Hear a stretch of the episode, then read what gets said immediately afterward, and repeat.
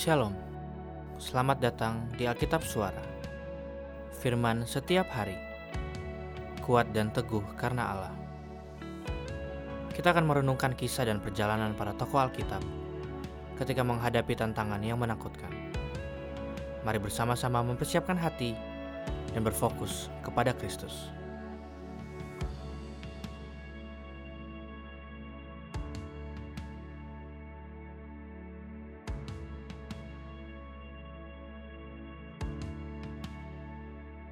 Mari bersama-sama mendengarkan Yosua pasalnya yang pertama.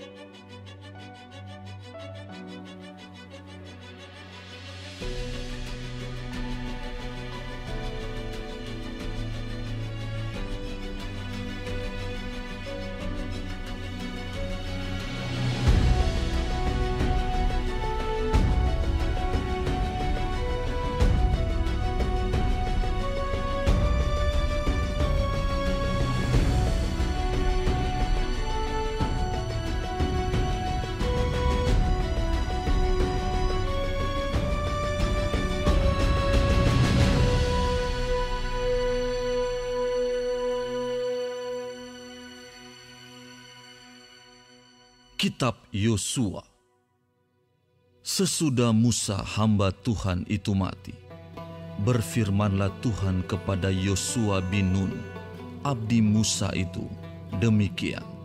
Hambaku Musa telah mati.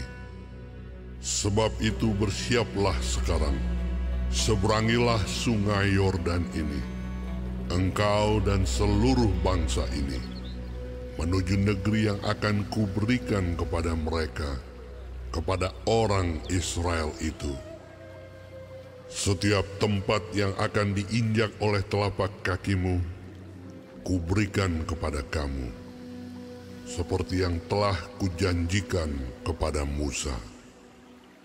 Dari padang gurun dan gunung Libanon yang sebelah sana itu, sampai ke sungai besar, yakni sungai Efrat, seluruh tanah orang Het, sampai ke laut besar di sebelah matahari terbenam. Semuanya itu akan menjadi daerahmu. Seorang pun tidak akan dapat bertahan menghadapi engkau seumur hidupmu. Seperti aku menyertai Musa, demikianlah aku akan menyertai engkau Aku tidak akan membiarkan engkau dan tidak akan meninggalkan engkau. Kuatkan dan teguhkanlah hatimu, sebab engkaulah yang akan memimpin bangsa ini, memiliki negeri yang kujanjikan dengan bersumpah kepada nenek moyang mereka untuk diberikan kepada mereka. Hanya kuatkan dan teguhkanlah hatimu dengan sungguh-sungguh. Bertindaklah hati-hati sesuai dengan seluruh hukum yang telah diperintahkan kepadamu oleh hambaku Musa.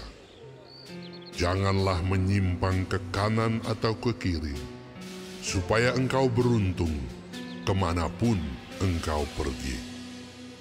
Janganlah engkau lupa memperkatakan kitab Taurat ini, tetapi renungkanlah itu siang dan malam, supaya engkau bertindak hati-hati sesuai dengan segala yang tertulis di dalamnya. Sebab dengan demikian, perjalananmu akan berhasil dan engkau akan beruntung. Bukankah telah kuperintahkan kepadamu, kuatkan dan teguhkanlah hatimu. Janganlah kecut dan tawar hati, sebab Tuhan Allahmu menyertai engkau ke mana pun engkau pergi. Lalu Yosua memberi perintah kepada pengatur-pengatur pasukan bangsa itu. Katanya, Jalanilah seluruh perkemahan dan perintahkanlah kepada bangsa itu demikian. Sediakanlah bekalmu, sebab dalam tiga hari kamu akan menyeberangi sungai Yordan ini untuk pergi menduduki negeri yang akan diberikan Tuhan Alamu kepadamu untuk diduduki. Kepada orang Ruben, kepada orang Gad dan kepada suku Manasye yang setengah itu, berkatalah Yosua demikian. Ingatlah kepada perkataan yang dipesankan Musa, hamba Tuhan itu kepadamu, yakni Tuhan Allahmu mengaruniakan keamanan kepadamu dan memberikan kepadamu negeri ini. Perempuan-perempuan dan anak-anak di antara kamu dan ternakmu boleh tinggal di negeri yang diberikan Musa kepadamu di seberang sungai Yordan. Tetapi kamu, semua pahlawan yang gagah perkasa, haruslah menyeberang di depan saudara-saudaramu dengan bersenjata dan haruslah menolong mereka sampai Tuhan mengaruniakan keamanan kepada saudara-saudaramu seperti kepada kamu juga dan mereka juga menduduki negeri yang akan diberikan kepada mereka oleh Tuhan Allahmu. Kemudian, bolehlah kamu pulang kembali ke negerimu sendiri dan menduduki negeri yang diberikan Musa, hamba Tuhan itu kepadamu di seberang sungai Yordan, di sebelah matahari terbit. Lalu mereka menjawab Yosua, katanya, Segala yang kau perintahkan kepada kami, akan kami lakukan. Dan ke mana pun kami akan kau suruh, kami akan pergi.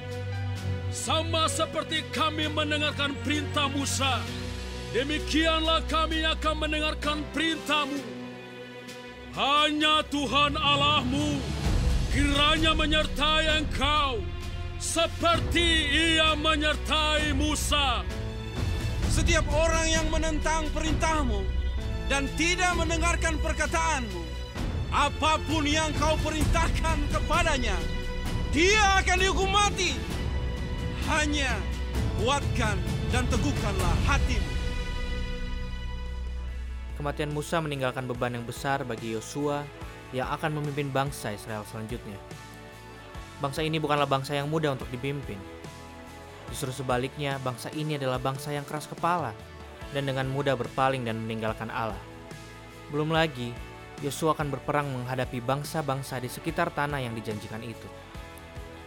Ketakutan, kekhawatiran, dan kebimbangan sudah tentu dirasakan oleh Yosua ketika ia harus mengemban tanggung jawab yang besar ini. Itulah sebabnya ketika Allah memilih Yosua untuk melanjutkan kepemimpinan Musa, Allah meneguhkan dan menguatkan Yosua.